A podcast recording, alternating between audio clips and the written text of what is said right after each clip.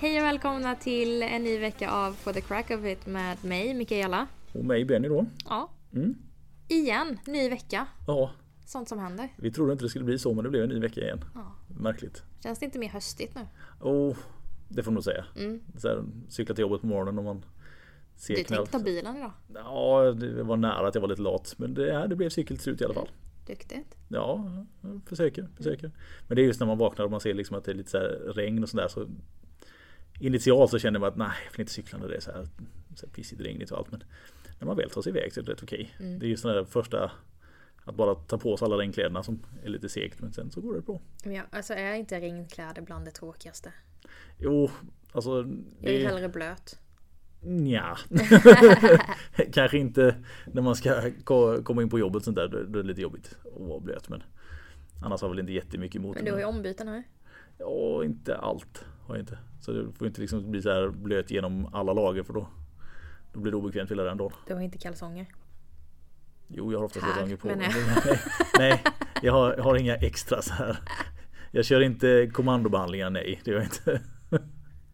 Vi är professionella, eller hur? Ja. Det är mest mot varandra, vi är lite dryga men annars så ser vi professionella ut i fingerspetsarna hela vägen igen. Ja. Oj, oj, oj.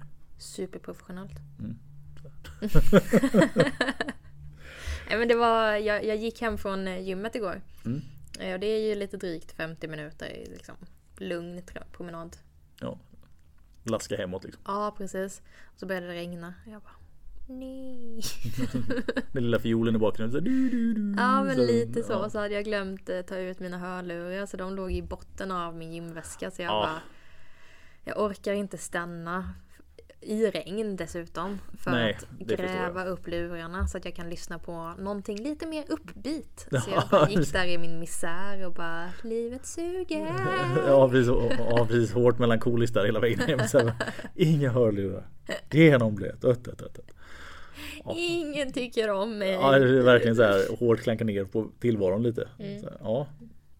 Men just i ett sånt läge så förbannar man sig själv. Man gör ju oftast det misstaget med hörlurar och sånt där alltid just då. Mm. Men Men jag fin brukar mig. alltid, så här, för jag, jag, jag lyssnar ju alltid på någonting. Mm. Jag, jag har ju eh, svårt med tystnad. Svårt med tystnaden, ja precis. Eh, så att jag brukar ju alltid ha hörlurar ant- antingen så nära till hands eller att jag har någon musik eller tvn på eller någonting. Alltså det, det är Ja. aldrig tyst hemma. Det är lite brus Ja, konstant. precis. Eh, så att det är otroligt sällan jag inte har tillgång till mina lurar. Ibland tycker jag det är trevligt att ta en promenad utan. Mm. Men då är det ju bilar som brusar. Ja, Då är det inte tystnad. nej, inte absolut tystnad. Nej. Och just igår så... Det var inte kul.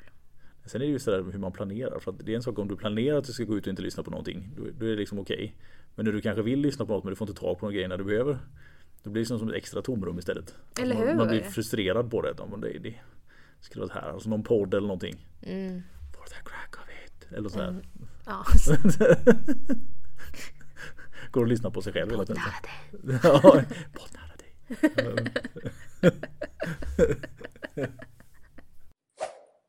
Men idag. Men Precis. idag ska vi prata om handen. Mm. Och vi har ju pratat om handen lite lösryckt tidigare när vi pratade om karpaltunnelsyndrom och epikondylit eller Mm. eh, tennis, golf slash paddelarmbåge. Ja, precis. Men eh, idag tänkte jag i alla fall att vi kör lite mer liksom, anatomiskt och Mm. Ja, mer vi, isolerat. Vi kommer såklart gå in på underarmen också för att ja, det hänger ihop. ja precis. Det, det är ju så att det- mestadels av den muskulaturen som du har som påverkar handen och fingrarna börjar ju någonstans i handleden. Det är inte så att den Ja, eller underarmen. Eller ja, underarmen helt rätt, jag säger fel. Så, så, handled. Underarmen, så det kommer ju därifrån. Så det är inte så att alla handens muskler sitter bara i handen. Det har blivit massiv hand. Ja, Klubbhanden. Bom, bom, bom. Stor och Jag svullen. hade haft en hammare i slutet på armen. Ja, precis. Eller hur? Ja, Men eh, jag var ju tvungen att googla det här lite. mm. är det så? Alltså jag visste typ ish men jag ville säkerställa. Eh, och jag fick på riktigt inte fram ett rimligt svar. Eh, alltså så här, 27 ben i, eller skelettdelar Ja, i handen. jajamän, jajamän. Ehm, om man bara tittar på själva handen. Eh, Jag får inte fram ett bra svar på hur många leder det blir. Den är svårare för du, har också Du har ju både då regelrätta leder och sen lite aponeuroser Mm. Och sånt där. Plus Så att det- ja. i um, vad heter, handlovsbenen är ju så tätt ledade mot varandra. Så det är Ja. svårt att hålla koll på hur många leder de har. Där är det nästan så att leden har en led. Alltså så här, det, det, det är väldigt så. Ja. För att inte tala om så här, hur räknar vi sesambenet? Ja. Är det en led? Är det inte det? Nu, nu, Ingen vet. Vad är ett sesamben Benny? Bara det. Mm. Vad, vad är ett sesamben? Jag, jag vet knappt vad ett sesamben är. Va? Du får, du får un, alltså, Skojar du? utbilda mig nu. Vad är ett sesamben? Ska jag behöva dra hela den här? Ja, du öppnade dörren. Kör, kör hårt. Kör hårt. Men ett sesamben, de flesta ben och skelettdelar i kroppen är ju kopplade till varandra. Ja. ehm, via le- leder av olika slag. Och leder kan ju vara en klassisk led som um, armbågsleden eller axelleden där du har en, en ledkapsel och ledvätska och hejfattröttan och allt det där. Ja, precis. Men du kan också ha mer av en um, en sammanbindande effekt. Tänk skallen. Mm. Ehm, skall, skallen är uppbyggd av flera plattor. Men är, de, de är inte designade för att röra sig. Nej, exakt. Det är ju bara för att klara av ett visst typ av tryckökning och sådana saker som inte blir så Exakt. känsligt. Exakt. Eh, och sen så finns det ju också eh, symfys eh, typer av leder. Alltså att man har en broskbit som bara sitter som Ja men Det finns en viss mjuk- eftergivenhet ja, men, inte, precis. inte det, direkt det, ska vara, ett- det ska vara distans mellan ben och ben. Men det ska inte nödvändigtvis kunna röra på sig. Nej, precis. Inte bli dubbelvikt just där. Eh, och det finns ju, det, effekten där är ju bland annat eh, disken mellan kotorna. Mm. Eh, finns lite i bäckenet och så vidare och så vidare. Amen. Sen har vi ju då sesamben som är lite mer eh, lösa skelettbitar. Alltså ben som inte är kopplade till andra ben via leder. Mm. Exempel på det är knäskålan. Ja, precis. Den ligger ju Exakt, fint den, ledigt ligger ju, utanför. den, den ligger ju liksom inbäddad i eh, eh, kvadricepssenan. Ja, Eller knäsenan precis. om man säger. Och eh, rent teoretiskt så kan man ju flytta på den till andra sidan. Du vill inte göra det. Nej. kan flytta på den. Nej, man vill inte flytta på den till baksidan. Nej, Nej. det vill man inte göra. Men du kan. Ja, precis. Ehm, och så finns det ett eh, litet sesamben i handleden. Som heter pisiforme. Det ligger liksom inbäddad i en liten sena precis vid eh, utsidan av handleden. Så att om man böjer lite lätt på handleden, tar eh, under, ja, men under handen eh, mot eh, underarmen på lillfingersidan. Mm. Så finns en liten knöl som man kan eh, ibland greppa tag och flytta lite fram och tillbaka på. Framförallt om du böjer lite, lite lätt i, i handleden. Där Där. har du ett sesamben. Det här är det lilla sesambenet i handen. Ja.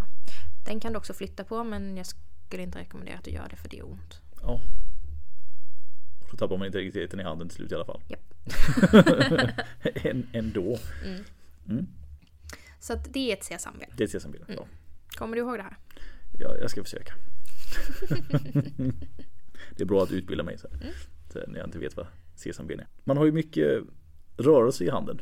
Alltså så här, som Mm. är egentligen inte viljestyrd på det sättet som man kanske ska räkna med. Och det är där de här aponeuroserna mellan benen kommer in lite grann. Att det ska Mm. finnas för att vi vet ju alla att vi kan röra både handleden och fingrarna ganska fritt och vi kan vrida handen och sånt där. Mm. Men det, beroende på vilken aktivitet man gör, alltså med fingrar och hand, så får du även rörelse mellan de små karpalbenen som sitter där nere i, i handen om man säger. Som gör att allting hamnar i linje på ett sånt sätt så att man får maximal effekt. Lite grann. Och det, det här är rörelser som man inte tänker så mycket på. Utan de mest är där. Mm. Och när det då inte funkar så kan man få ont istället. Mm. Så det där är faktiskt ett område som vi får behandla lite titt som tätt. Alltså när man får en, alltså en ökad tryckbild helt enkelt i, i handen så att den, den blir lite för stum för sitt eget bästa. Vad man ska säga. Mm. Det, då, då, det är en sån där liten grej som många tror att ju stummare desto bättre. Alltså att liksom allting ska vara robust och fast och sådär. Men, men det stämmer ju inte riktigt.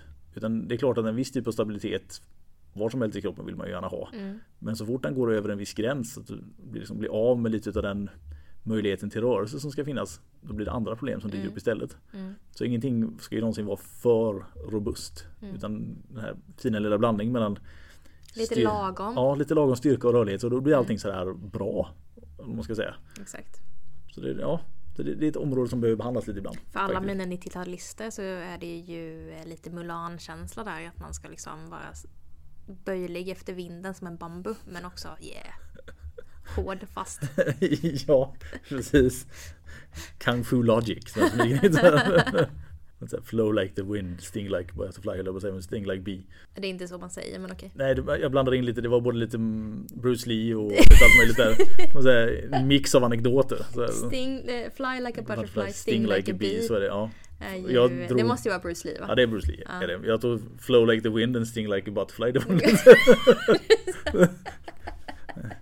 det är den snälla kampkonsten. Är liksom att först så viker man sig undan och så klappar man lite lätt på kinden. Så bara, oh, och då blir det lite dammig. Det var liksom det enda som hände. Ja, precis. Eh, Ja. lite, lite miss.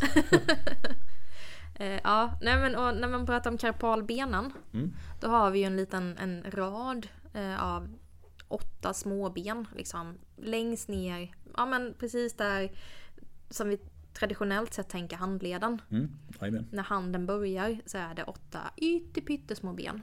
Precis i två rader. Exakt. Eh, och det är då karpalbenen. Och de har jättefina latinska namn. Ja. Men den som de flesta känner igen är ju på svenska båtbenet. Ja. Den kan ju ibland eh, ge lite besvär.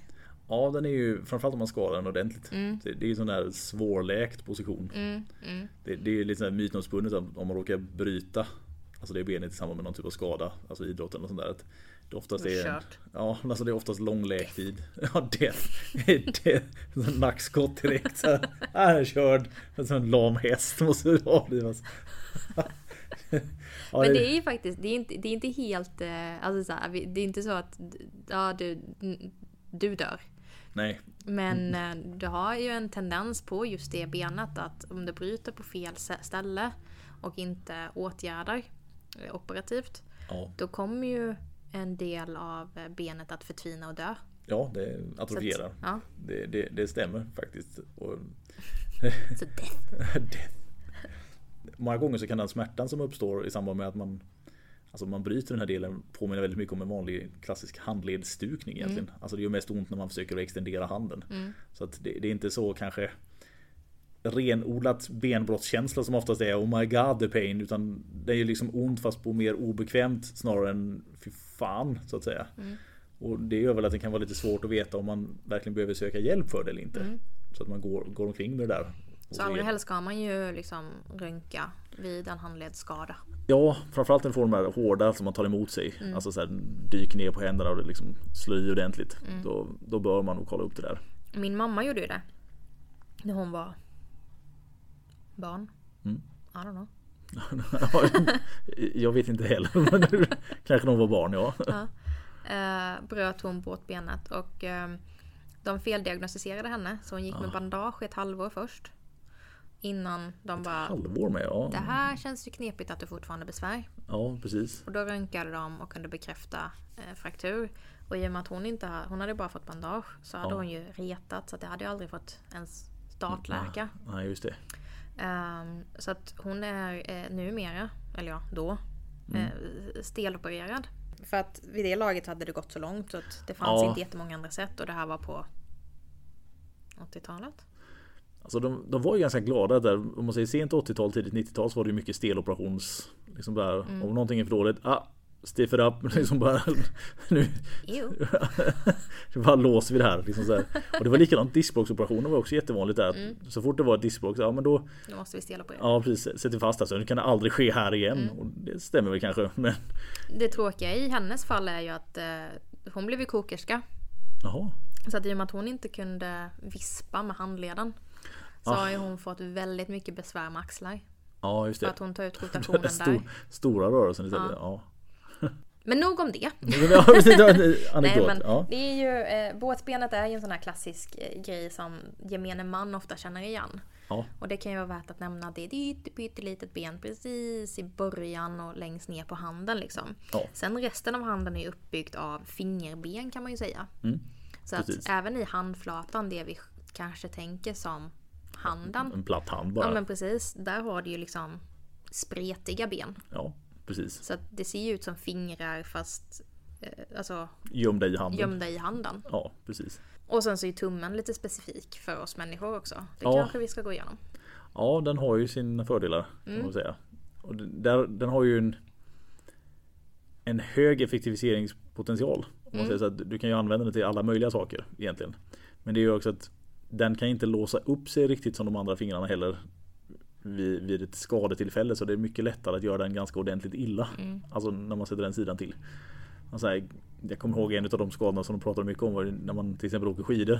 Ah, Och så- det. Liksom man ramlar och så ska du ta emot dig. Då har du staven där så att du landar ner på alltså som handen som en klyka om man säger. Ja. Och så, Och den bara går bakåt. ja, så böjs det liksom utåt där och så får du separationsskador i senare och sånt där. Och det är också en sån här svårläkt skada. Alltså jag ryser just nu. Jag ser det på dig, mår riktigt dåligt. Vi pratar om just, ja men den, den är sån läskig. Ja, Det, det är den och så översträckta leder och sånt som gör att man liksom och så här, Mm. hurvens. Ja men det är ju också för att vi ser ju det biomekaniken när man pratar om det så ser man ju det framför sig Mm. liksom exakt vad det är som händer. Jag tror inte alla ryser av att man så här, typ översträcker en led. Aj! Ja precis, ja, det gjorde väl ont så här. Ja Mm. fast de här, de här ska absolut inte översträckas. Nej, så här, Alltså, det finns vissa saker som verkligen inte mår bra av det. Så här, nu, nu, Så nu. det ska du undvika. Mm. Tummen är en sån. Ja precis. Um, sen är det ganska intressant med tummen också att den, den tillåter ju dels pincettgreppet. Ja. Men också att du kan nå eh, lillfinger och tumme till att toucha varandra. Mm. Med hjälp av en ganska unik led. Mm. Ja, sadelleden. Sadelleden.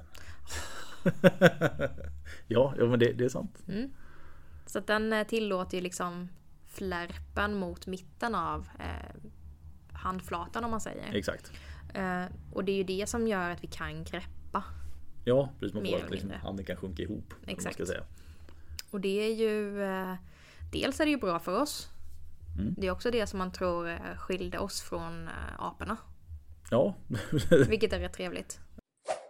Nej, så den, den leden tycker jag ju är ganska spännande rent ehm, generellt av den anledningen. Mm. Men det är också det som gör att, eller det är också, i och med att vi använder den så pass mycket på grund av grepp och sådana saker så är den ju också lite lätt utsatt för förslitningsskador ja, som artros. Ja precis. Jo, Saker vi återkommer till varje år avsnitt. ja, artrosen är ju liksom att nota lite tillbaka. Och det är också någonting som har, om man nu ska klassa lite så terapeuter som kollegor och så här överlag så många amassörer och sånt som kanske har varit lite Ja, för, för energiska med att använda sin tumme vid behandling och sånt där får otroligt stora problem efter ett tag. Alltså det blir man- Man tror att den ska vara så immun för att den är så praktisk. Mm. Alltså det, är, det är få saker som är så bra att använda som tummen när man ska hitta till exempel triggerpunkter och sånt som vi använder. Det är liksom, och pressa nice. på. Det, är, det är enkelt. Mm. Men det lägger också ganska mycket press på. Mm. Alltså själva lederna i sig. Framförallt om man inte tänker på hur man håller tummen när du trycker. Så att du Mm. får hävstången på ett felaktigt sätt. Så att man liksom ja, trycker bredvid centrum av rotationen egentligen. Och då, då, då, då blir en bra jobbigt. beskrivning i ljudform. Ja, alla ser framför sig exakt vad jag menar. Vi har bara vi har biomekaniskt högt utbildade lyssnare enbart så att alla vet exakt vad jag menar. Ja, visst. Alltså, men det, det som menas där egentligen när man ska försöka trycka genom fingret. Alltså du ska försöka hålla tummen så rakt ovanför det du ska trycka egentligen. Så att du liksom låser in den genom sig själv. Mm. Väldigt sällan gör man det utan man lägger den mer på där du vill och så trycker du bredvid. Så att det blir som en liftartummes finger eller vad man ska säga när du, när du trycker. Och det känns väldigt bra träffmässigt på det du ska behandla. Men eh, tummen mår inte bra utav det i Nej längden. men det är väl bara så här, tryck någonting med tummen i mer än tre minuter. Ja precis. Det, Det kommer inte vara så jäkla skönt då. nej, det, det blir ju inte det. Ja, det är ju skelett och leder som jag tycker är ganska intressanta. Alltså vi kan ju fortfarande gå in, alltså jag, jag skulle kunna nörda ner mig i handen hela dagen. Ja, jo precis. Här, det- det är superintressant för mig. Mm. Ehm, och man skulle kunna prata om hur fingerlederna egentligen är gångjärnsleder, fast inte alls. Ja precis. Sanning med modifikation. Ja, precis. Men hur intressant är det för, för alla? Jag vet inte. Vi kan återkomma till det om något fall. Ja, en specifik fråga så här. Vill ni ha nerd hour med fingrarna? Sure, då kör vi det. Men så blandar vi lite istället. Ja, Ehm, men vi har ju också muskler. Ja. Och de är ju ganska så viktiga för handens funktion. Mm. För att utan muskler kan vi inte... Använda handen alls. Bra Benny! Du ser, jag, jag visste vad vi hade handen till. Ja! Nej, alltså, hela systemet är ju väldigt uppbyggt just alltså, samarbete mellan led, muskel, ben. Alltså, Mm. så, här, så är det. Men, exakt. Eh, och majoriteten, det finns ju såklart lokala muskler som bara sitter i handen, mellan fingrar och mellan eh, småbenen. Mm. Men majoriteten av eh, muskulaturen som styr handen är ju, som du sa tidigare, Underarmen Ja. sitter ju det mesta i. precis. Ganska långa senor och sånt som går ner i, i fingrarna som Ja, styr men- det hela. Exakt. Ehm, och då kommer vi ju lite ehm, automatiskt in på eh, besvär som tennisarmbåge och golfarmbåge och, och liknande. Mm. Det har vi pratat om tidigare. Ja, men de måste ändå omnämnas när man tar upp handen så här, Ja, för de är men- väldigt dominanta. Precis, och det är därför, det är ju av den anledningen när du gör en, säg en när du kö- kör ett golfsving och du kommer ut och försöker snärta till det sista Mm. eh, i handleden. Det är därför du får ont i armbågen. Ja, För att det precis. är muskeln som styr arm, eller handleden fäster runt armbågen. Exakt. Exakt. Eh, samma sak i en backhand eh, på tennis eller liknande. Ja, precis. Sista lilla så Exakt. rycker de upp det. Precis. Och det är ju de där små marginalerna som Mm. ofta tar stryk. Ja, det är ju det.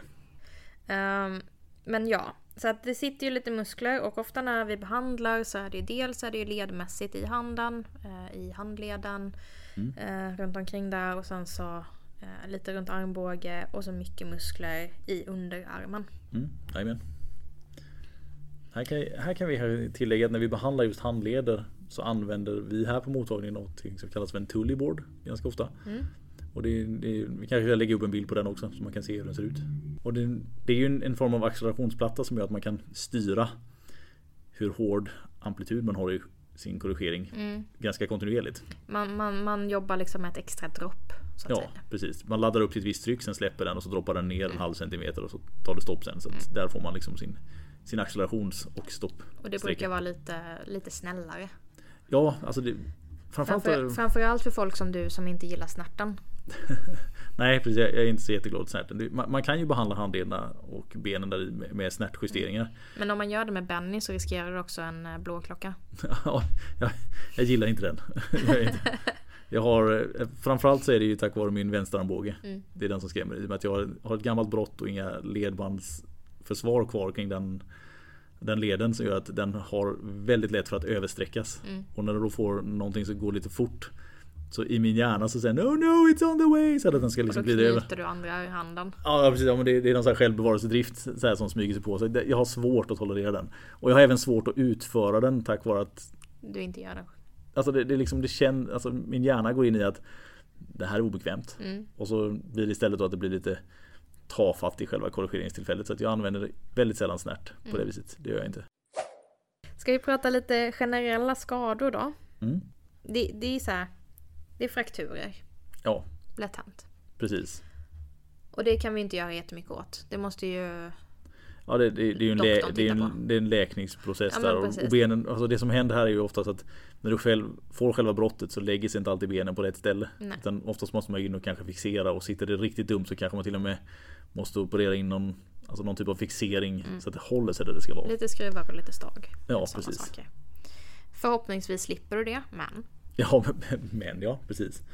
Det, det finns där i alla fall. risken finns liksom. Och det är ju lite sådana, vi går in lite i sådana tider nu när det är lite sådana klassiska skador. Alltså där när det börjar bli lite halt. Alltså man kan halka. Och jag är inte riktigt än va? Nej, nej men vi, vi är ändå närmare än vad vi går. Om man ska säga petnoga. Mm. Men ju- just halkan och sånt. Så, så blir det ju lätt sånt där. Alltså att man tar jo men så är det ju. Halka till lite ska, ska eh, rädda sig själv. Ja, man vill rädda röven och så sätter man ner händerna istället och så ja. Mm. Men det gör du bäst genom att bygga rumpa. Så skotta och marklyft. Ja, skott och marklyft. Det, det skyddar. Från handledstrauma. och det är ju antingen då radius eller ulna som benen så fint heter i underarmen. Som Mm. gärna ryker i samband med, Oftast ja. ja, med de där situationerna. Ehm, saker vi kan hjälpa till med mer. Mm. Stukningar. Ja, Staukningers. Det tänkte jag faktiskt att vi skulle hoppa in lite mer på. Ja, här är det ju att det finns ju ganska mycket att stuka kan man säga. Exakt. Och det är, det, det är både händer och fötter. Lite grann så. Mm. Men, kanske, men nu fokuserar vi på Ja, men kanske ännu mer hand än fot egentligen. Alltså så här. Ja men ja precis vid olika tillfällen och vid olika belastning och, och situationer såklart. Mm, precis. Foten är ju nu hoppar jag in på den istället. Mm, ja. Men foten är ju klassiskt att du, du trampar snett. Ja, precis. Och så, så stukar du liksom utsidan. Mm. Och det kan göra mer eller mindre ont beroende på hur mycket ledband och ligament du har kvar att stuka. Ja, det är det. Ju längre det kan gå. Så Exakt. Det liksom Men det är ju sällan du stukar en tå. Nej, alltså. Inte att det inte händer. Nej, precis. Ingenting är omöjligt. Men det är inte så ofta man går och aj fan där stukar jag tån. Exakt. Du måste ofta slå i någonting i så fall. Mm. Uh, men fingrar kan ju hända. Ja. Tumme Ganska har vi redan ofta. pratat om. Mm. Handleden i sig. Ja, faktiskt. Mm. Inte jätteofta, men det händer. Det hände mig ganska ofta när jag spelade fotboll. Mm. Men jag tror att jag sabbade ligamenten i handleden efter ett ganska ordentligt fall eh, när jag var ja. rätt liten. Så att av den anledningen så... Kanske redan är lättare att glida ut i vissa lägen där. Mm. Sant. Sen har man ju också så här, ja men spelar du någon form av kontaktsport så är ju fingrar Ja. Liksom, ja. Lycka till att inte stuka ett finger.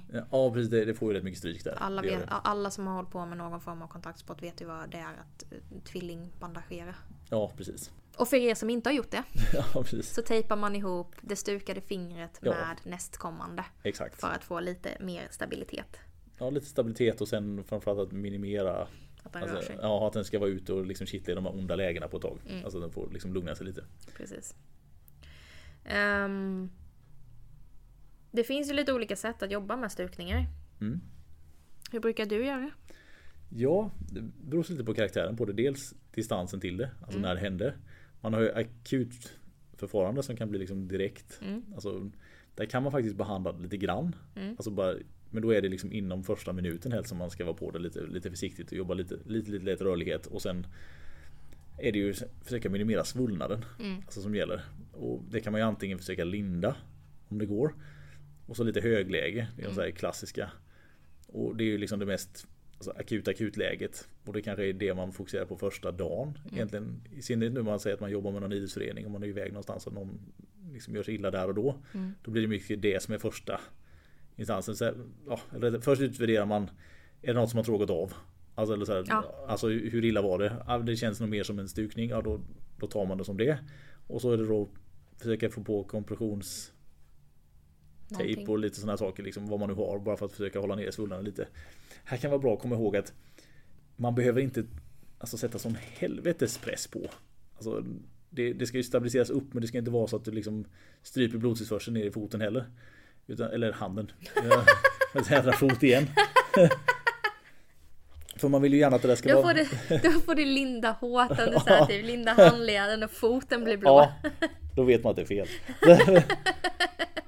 Men om du ska du, sätter du stöd, alltså du vill ha, alltså minska svullnaden, då ska det ju kunna sitta ett tag. Alltså så här, ett par timmar i alla fall efteråt. För att mm. det ska få riktigt bra effekt.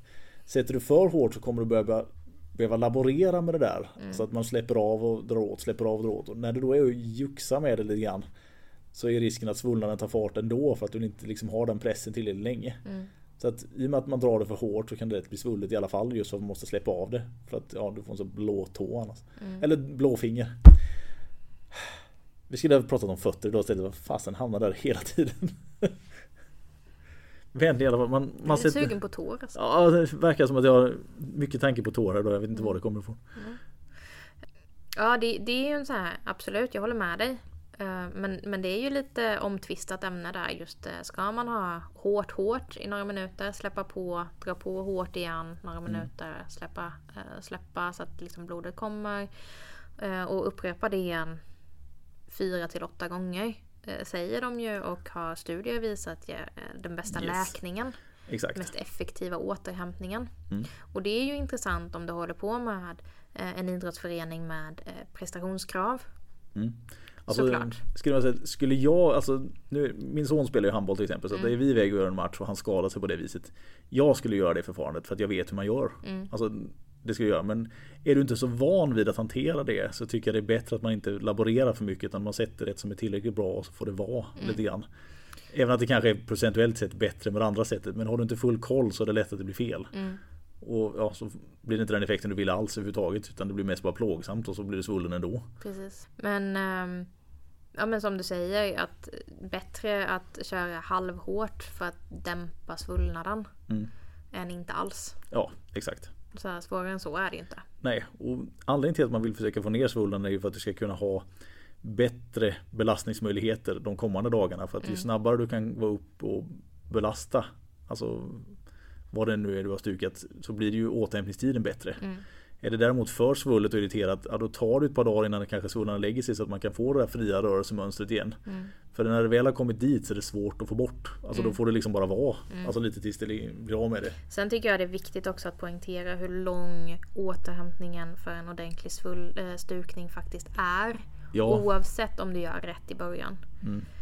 Det är väldigt lätt att man kastar sig in i eh, situationer som inte är nödvändigtvis bra lite för snabbt. Väldigt mycket för snabbt. här har, man har ju en, jag höll på att säga kalla för en dödtid, men man har, du har en lucka som är mellan det, om man säger från att du går där det gör så ont så du inte kan använda det tills det är så pass bra så att det fungerar. Mm. Har du en period däremellan där du kanske har väldigt lite ont eller inte ont alls men funktionen är fortfarande ned, Mm. alltså nedtryckt så att det är mycket lättare att dra på sig skador igen för att det är liksom inte riktigt redo även om det känns okej. Mm. Och där är det många som åker dit för att man är lite otålig så man ger sig in och börjar göra vad det var man gjorde innan och då, Mm. då stukar man sig kanske lättare också. Mm. Så att det behöver Och inte så alls sabbar samma... du så att du liksom aldrig har stabiliteten igen. Nej Du exakt. hamnar bara i en negativ spiral. Ja, alltså man, den där viljan att liksom komma på igen är lite för stor. Mm. Man säger. Här kan du då om du nu är du i ett lite mer elitsatsande situation, alltså du verkligen inte kan låta bli utan du måste in och köra lite så är det ju oftast tejpning som gäller i så fall. Att man försöker stabilisera upp. Ja, men jag tycker du ska tejpa även om du är liksom eh, inte elit. Ja, alltså, nu är alltså pressen på att man ska in och köra är ofta större på om du är elit. Att du kan inte vila så länge så det ska vara. Både ja och nej. Ja, det bör väl vara så i alla fall. Det bör vara så. Ja. Men den kunskapen finns inte ute Nej, i det är sant. Jag har ju, min lilla syster eh, stukade ju sin fot. Nu går vi över till fot här. För några år sedan. Ehm, riktigt illa. Alltså sådär pinsamt illa att hon var tvungen att gömma den när jag kom och skulle titta på den. För att jag hade ringt henne och nu blir hon jättearg om, om hon lyssnar på det här. För det vill hon inte erkänna. Men jag hade ringt henne, det var sommarlov och jag pluggade fortfarande. Mm. Så att jag hade fått ett eh, sms från min faster, eller vår faster, som hade tittat på matchen Felicia, min lilla syster spelade. Mm. Där hon hade stukat. Och ingen där hade tydligen kunnat linda. Nej. Utan de hade typ hängt över lite bandage och lagt på en ispåse. Oh yeah. Yeah. Isolös bandage. Ja men lite shit. så. Eh, och Nina då, vår faste, var så frustrerad. Så hon stod på läk- läktaren och bara skrev som en galning och bara... Så jag fick så här typ 15 meddelanden på, 15 sms. På en minut. Bara. Så jag ringde min- Felicia, då, min lilla syster eh, efter matchen och tänkte jag kolla vad läget. Ja men nej, jag har inte ont. Jag bara, fast nu ljuger du. För att jag har ju haft kontakt med Nina. Hon bara, jag har lite ont. Sanning med modifikation. Ja. Så här. Lite så. Så jag bara, okej, ja men jag kommer väl ut och titta på det då. Så jag åkte ut och klampade in på hennes rum. Hon så här, typ hörde mig komma och stack in foten under täcket för att hon låg i sängen. Och jag bara, vad gör du? Hon bara, jag läser. Så jag lyfte på täcket och där var en fotboll. Ja just det. Det var så svullet. Klumpen. Mm. Så att först fick jag ju bara försöka Alltså det här var ju flera timmar efteråt så att i det läget, vad ska man göra? Det finns Ja. inte jättemycket att göra mer än att försöka lägga ett lättare press för att återhämta blodsyra, blodet Och sen till. upp med foten i taket. Exakt, Liksom så högläge. Det kommer göra ont. Det Ja. kommer inte vara skönt. Dags att pulsera lite. Exakt så. Och försöka få ner svullnaden liksom. Hjälpa kroppen med det. Mm. Så frågar hon, kan jag träna på tisdag? och jag bara nej. Det kan du inte. Men, men jag måste. Nej, Nej, det, det måste måste du du inte. Du måste vila. Ja. Och eftersom att jag känner min syster och jag vet hur kulturen i just den här föreningen är, Jajamän. eller var. Mm.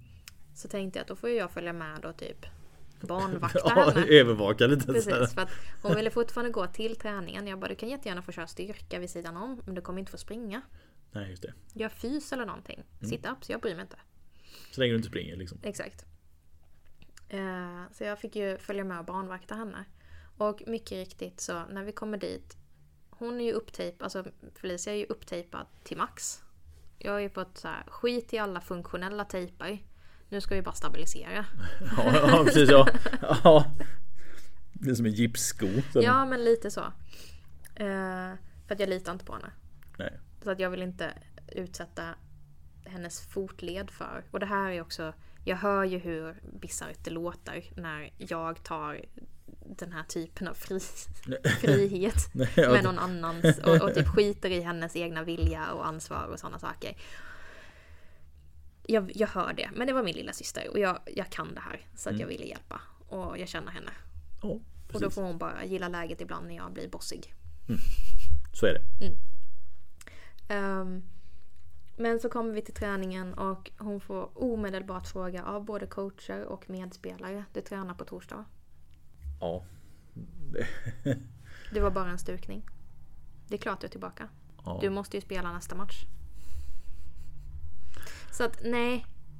Den kunskapen och eh, respekten för en stukning finns inte. Nej, för det, du sa det ju ganska galant där. Liksom, det, det är bara en stukning. Det, Mm. För att alla stukar ju sig.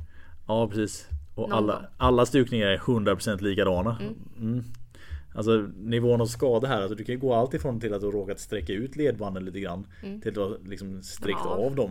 Alltså, så här, och det är, en, det är en stor skillnad på lite lätt töjd Mm. mot helt av. Alltså när det gäller hur bra foten eller handleden mår. Ja. Det är en jättestor skillnad i det. Det är det. Så att ja, nej. Jag, jag tror tejpa alltid. eh, Framförallt initialt och jobba mycket med rehab och sta- stabilitet och, och styrka. Ja, Ehm, Styr, tänk- styrka är viktigt. Ja, och tänk jättegärna typ sex veckor. Ja, faktiskt. Alltså, man har ju olika delar där. Det, oftast är det akutfas, två veckor. Typ ungefär. Alltså när det är liksom det allra jävligast. När man försöker mest bara röra på sig. Efter det så har du ett par veckor när allting känns normalt fast du är inte så överaktiv ändå. Och sen så går du in i att börja belasta lite hårdare, lite lättare. Exakt. Och sen efter det om det känns okej, då går man in i, en vanlig träningscykel igen Mm. om man säger. Det är inte där man stukar en lördag, sen nästa lördag är match igen. Nej men nej. Det, det är ingen bra idé. För det, alltså, det är ju så här det kan ju funka. Alltså du kan ju klara dig, alltså du har sån tur att det blir inte värre. Men drar du till det igen så kan du ju förstöra så otroligt mycket mer. Alltså, Ja, ja, ja. Har du inte stabilitet. Alltså man glömmer ju lite eh, vad ligamenten faktiskt är där för. De är ju där för Ja. att skydda andra strukturer. Typ som skelett, leder, alltså blodkärl, nerver. Ja, precis. Alltså man, man hamnar i sånt läge att alltså, du kan kanske köra matchen. Alltså det är fysiskt möjligt för dig om du inte får någon smäll så kanske du kan genomföra. Men får du en smäll där och då, då kanske resten av säsongen är rökt bara för att du inte väntade de där två, tre matcherna. Ja, då blir du borta från 10-12 istället. Så här. Och det, det är så otroligt onödigt. Är det. Alltså när den där pressen kommer in och så blir det som en liten jargong av att om du inte kan spela nästa match då är du lite vek. Ja, men För det var ju bara en liten en stukning. Så, så, Ja. bara, ja. Så att ja, nej, där, där har jag åsikter. Det är så här, så här, va- vassa åsikter. tror jag. Ja. Ja, men jag blir frustrerad över att man inte respekterar vad en stukning faktiskt är. Samtidigt så förstår jag ju också när man inte har kunskapen och man blir liksom uppfödd på att det är bara en stukning. Alla stukar sig Precis. lite. Här just när det gäller handledsstukningar, Mm. man kommer in på det, så har vi faktiskt, det finns en viss procent, jag kommer inte ihåg exakt antalet, men en viss procent av befolkningen har någonting som kallas för ulna minus. Och det betyder att man har ett lite kortare underarmsben Mm. än vad genomsnittet gör. Och då får du alltså en längre, en lite längre gap kan man säga mellan där Mm. ullna tar slut ner till där själva handen egentligen börjar. Mm, Och det gör att du blir mer utsatt för alltså, rotationsvåld där så kommer skadorna oftast bli större för du får en längre hävstång. Mm. Jag själv inkluderat har faktiskt ulna minus. Så att jag har inte så mycket ledbandsstabilitet kvar i den yttre delen av min högra handled. Nej. Efter många år av lite kampsportsliknande grejer och lite stukningar och sånt olika så är det liksom borta. Mm. Jag kan träna fullt ut som jag vill nu men jag måste alltid tänka mycket på just Jag måste stabiliseringsträning. tänka på det. Ja, okej. Så det, det, det finns där och det den vet man ju inte innan. Det är inte så att man går omkring och vet om att man har det där. Nej, det är inte så att man röntgar sig själv för säkerhets skull. Nej, du ska bara kolla hur kort är din ulna. Så, bara, mm, får man se. Men det gör ju att det går in i det som du säger innan att när du säger bara en stukning. Mm. Då kanske personens egna erfarenheter som är att de har stukat handleden några gånger, det är inte så farligt. Medan den som kanske har fått det nu kanske har då en, en värre skada för att de var lite annorlunda byggda. Mm. Och det vet du ju inte för att smärtan är ju på samma ställe. Exakt. Sådär va? Och Så- inte bara det utan att så här, kanske incidenten var helt annorlunda. Ja, Det var precis. mer traumatiskt. Det finns ju grader av, eh, liksom, här, på samma sätt som en fraktur. Ja, Ja. benet går sönder. Men har du en spricka Ja, eller har du en fraktur där benpipan sticker ut genom ja benet. alltså det... Samma sak har ju hänt i själva benet rent strukturellt. Ja, precis. Jag sabbade ju, eller sa- sabbade gjorde jag inte för att jag är tillbaka. Ehm, Men ehm, min tumme. Mm. eh, vad var det? Var det mitt näst sista år uppe i Stockholm tror jag? När jag pluggade. Som, eh, jag höll ju på med thaiboxning då. Mm. Fick en spark. Stukade fo- tummen. Och tyvärr, i samma veva så skulle jag ta MC-kort. Ah, det låter lätt. Eh, det gjorde jätteont att koppla. Ah, just det. Det är klart. Så att vad Det är jag väldigt gjorde då, långt där helt plötsligt då. Alltså, Ja, Ja, men också så här typ när man ska klämma ihop, man ska använda tummen som ett motgrepp liksom. precis. Ehm, vad jag gjorde då var att jag utvecklade ju en liten egen tejpning. Jätteeffektiv. Ja, okej. Och jag använder den på andra nu. Ja. Vid behov, inte... Taping by Mickis. Ja. Så liksom, det det är inte så att du tejpar allas tummen bara lite för att du kan. Och jag vet inte om den är superinnovativ men, men jag upplevde att den, den är fruktansvärt effektiv utan att du nödvändigtvis förlorar all funktion. Alltså du gipsar inte upp tummen, du kan fortfarande använda den men du stabiliserar den på ett sätt där, där du liksom inte hindrar dig själv. Nej, precis. Alltså det, det är så när du ska stabilisera upp någonting med tejpning, precis som du säger. Mm. Man vill ju fortfarande ha kvar någon typ av grundfunktion. Det är inte så att du vill ha en stor klubba med tejp bara. Nej, utan du måste precis. kunna- använda tummen i alla fall. Precis. Och vad jag upplevde när vi åtminstone hade tejpkurser i skolan Mm. eh, var att så fort man tog tummen då skulle man helt plötsligt tejpa hela handen. Ja.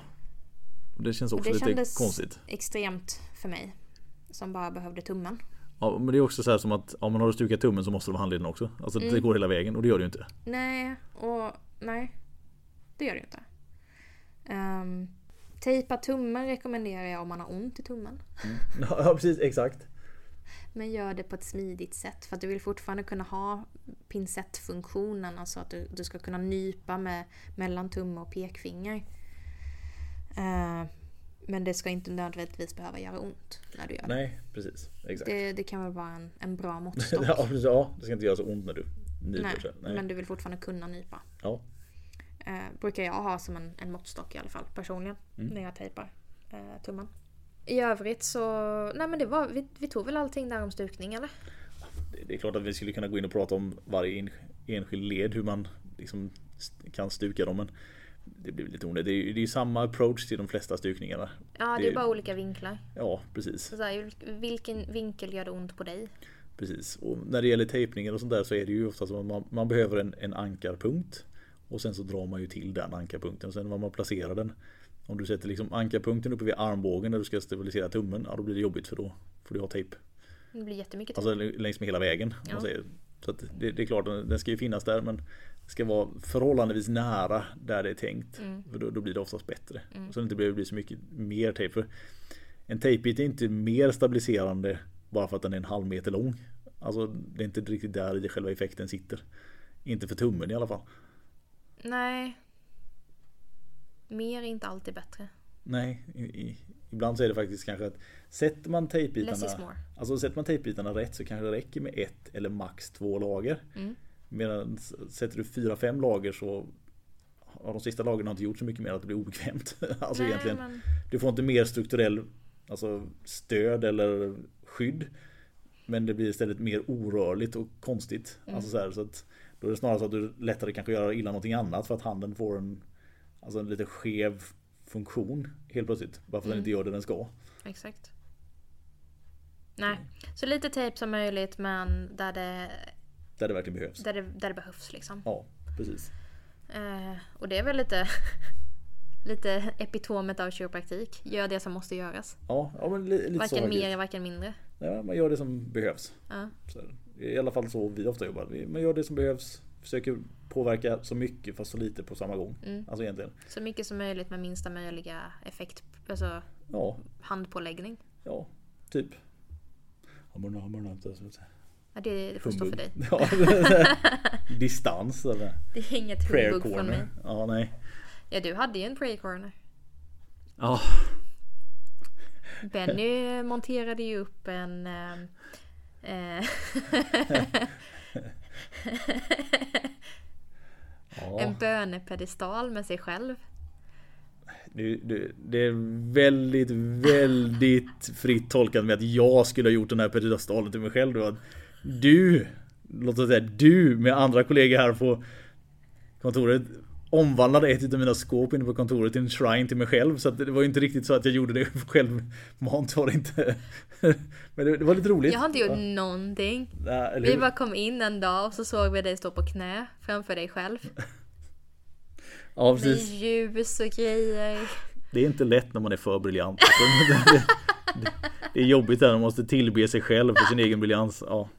Det ser inte ens, inte ens en higher deity som jag kan be till, utan jag måste be till mig själv. Till och med Lasse gick in och, och la en bön till slut. Ja, ja. Ja, det är inte lätt att vara på topp. Hårt ansvar. Så.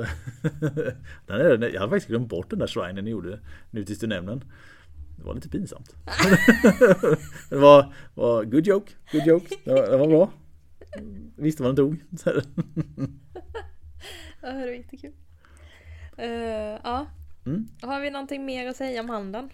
Alltså jag tror att det vi satte ut för att prata om idag. Dels så skulle vi försöka undvika lite karpaltunnor och sånt eftersom vi har pratat om det tidigare. Och det har vi ju lyckats rätt bra med. Det har omnämnts men inte varit i så djupt detalj så det är bra. Mm. De som vill lyssna mer på just om karpaltunnor och sånt om man känner igen sig. Det har vi i en tidigare episod. Så bara gå igenom listan så, så finns det som man kan gå in och lyssna på.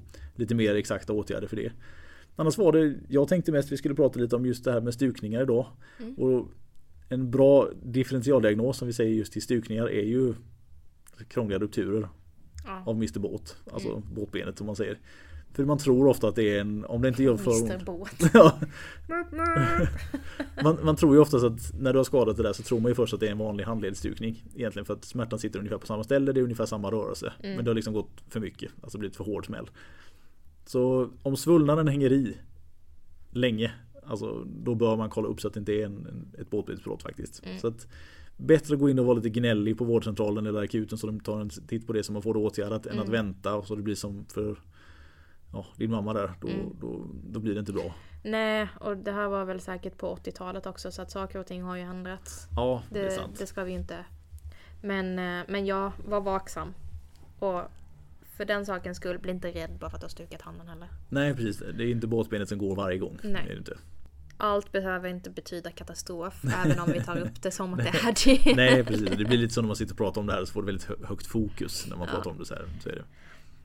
Men, men ja, jag tycker väl ändå att det känns som att vi har fått igenom att eh, ta inte stukningar på allt för lågt allvar för att det kräver faktiskt sin, sin återhämtning också. Det, Ja, det, det tycker jag på riktigt är ett besvär. Framförallt hos unga individer. Att man, Mm. man förstör snarare ungdomar eh, genom att inte respektera en skada.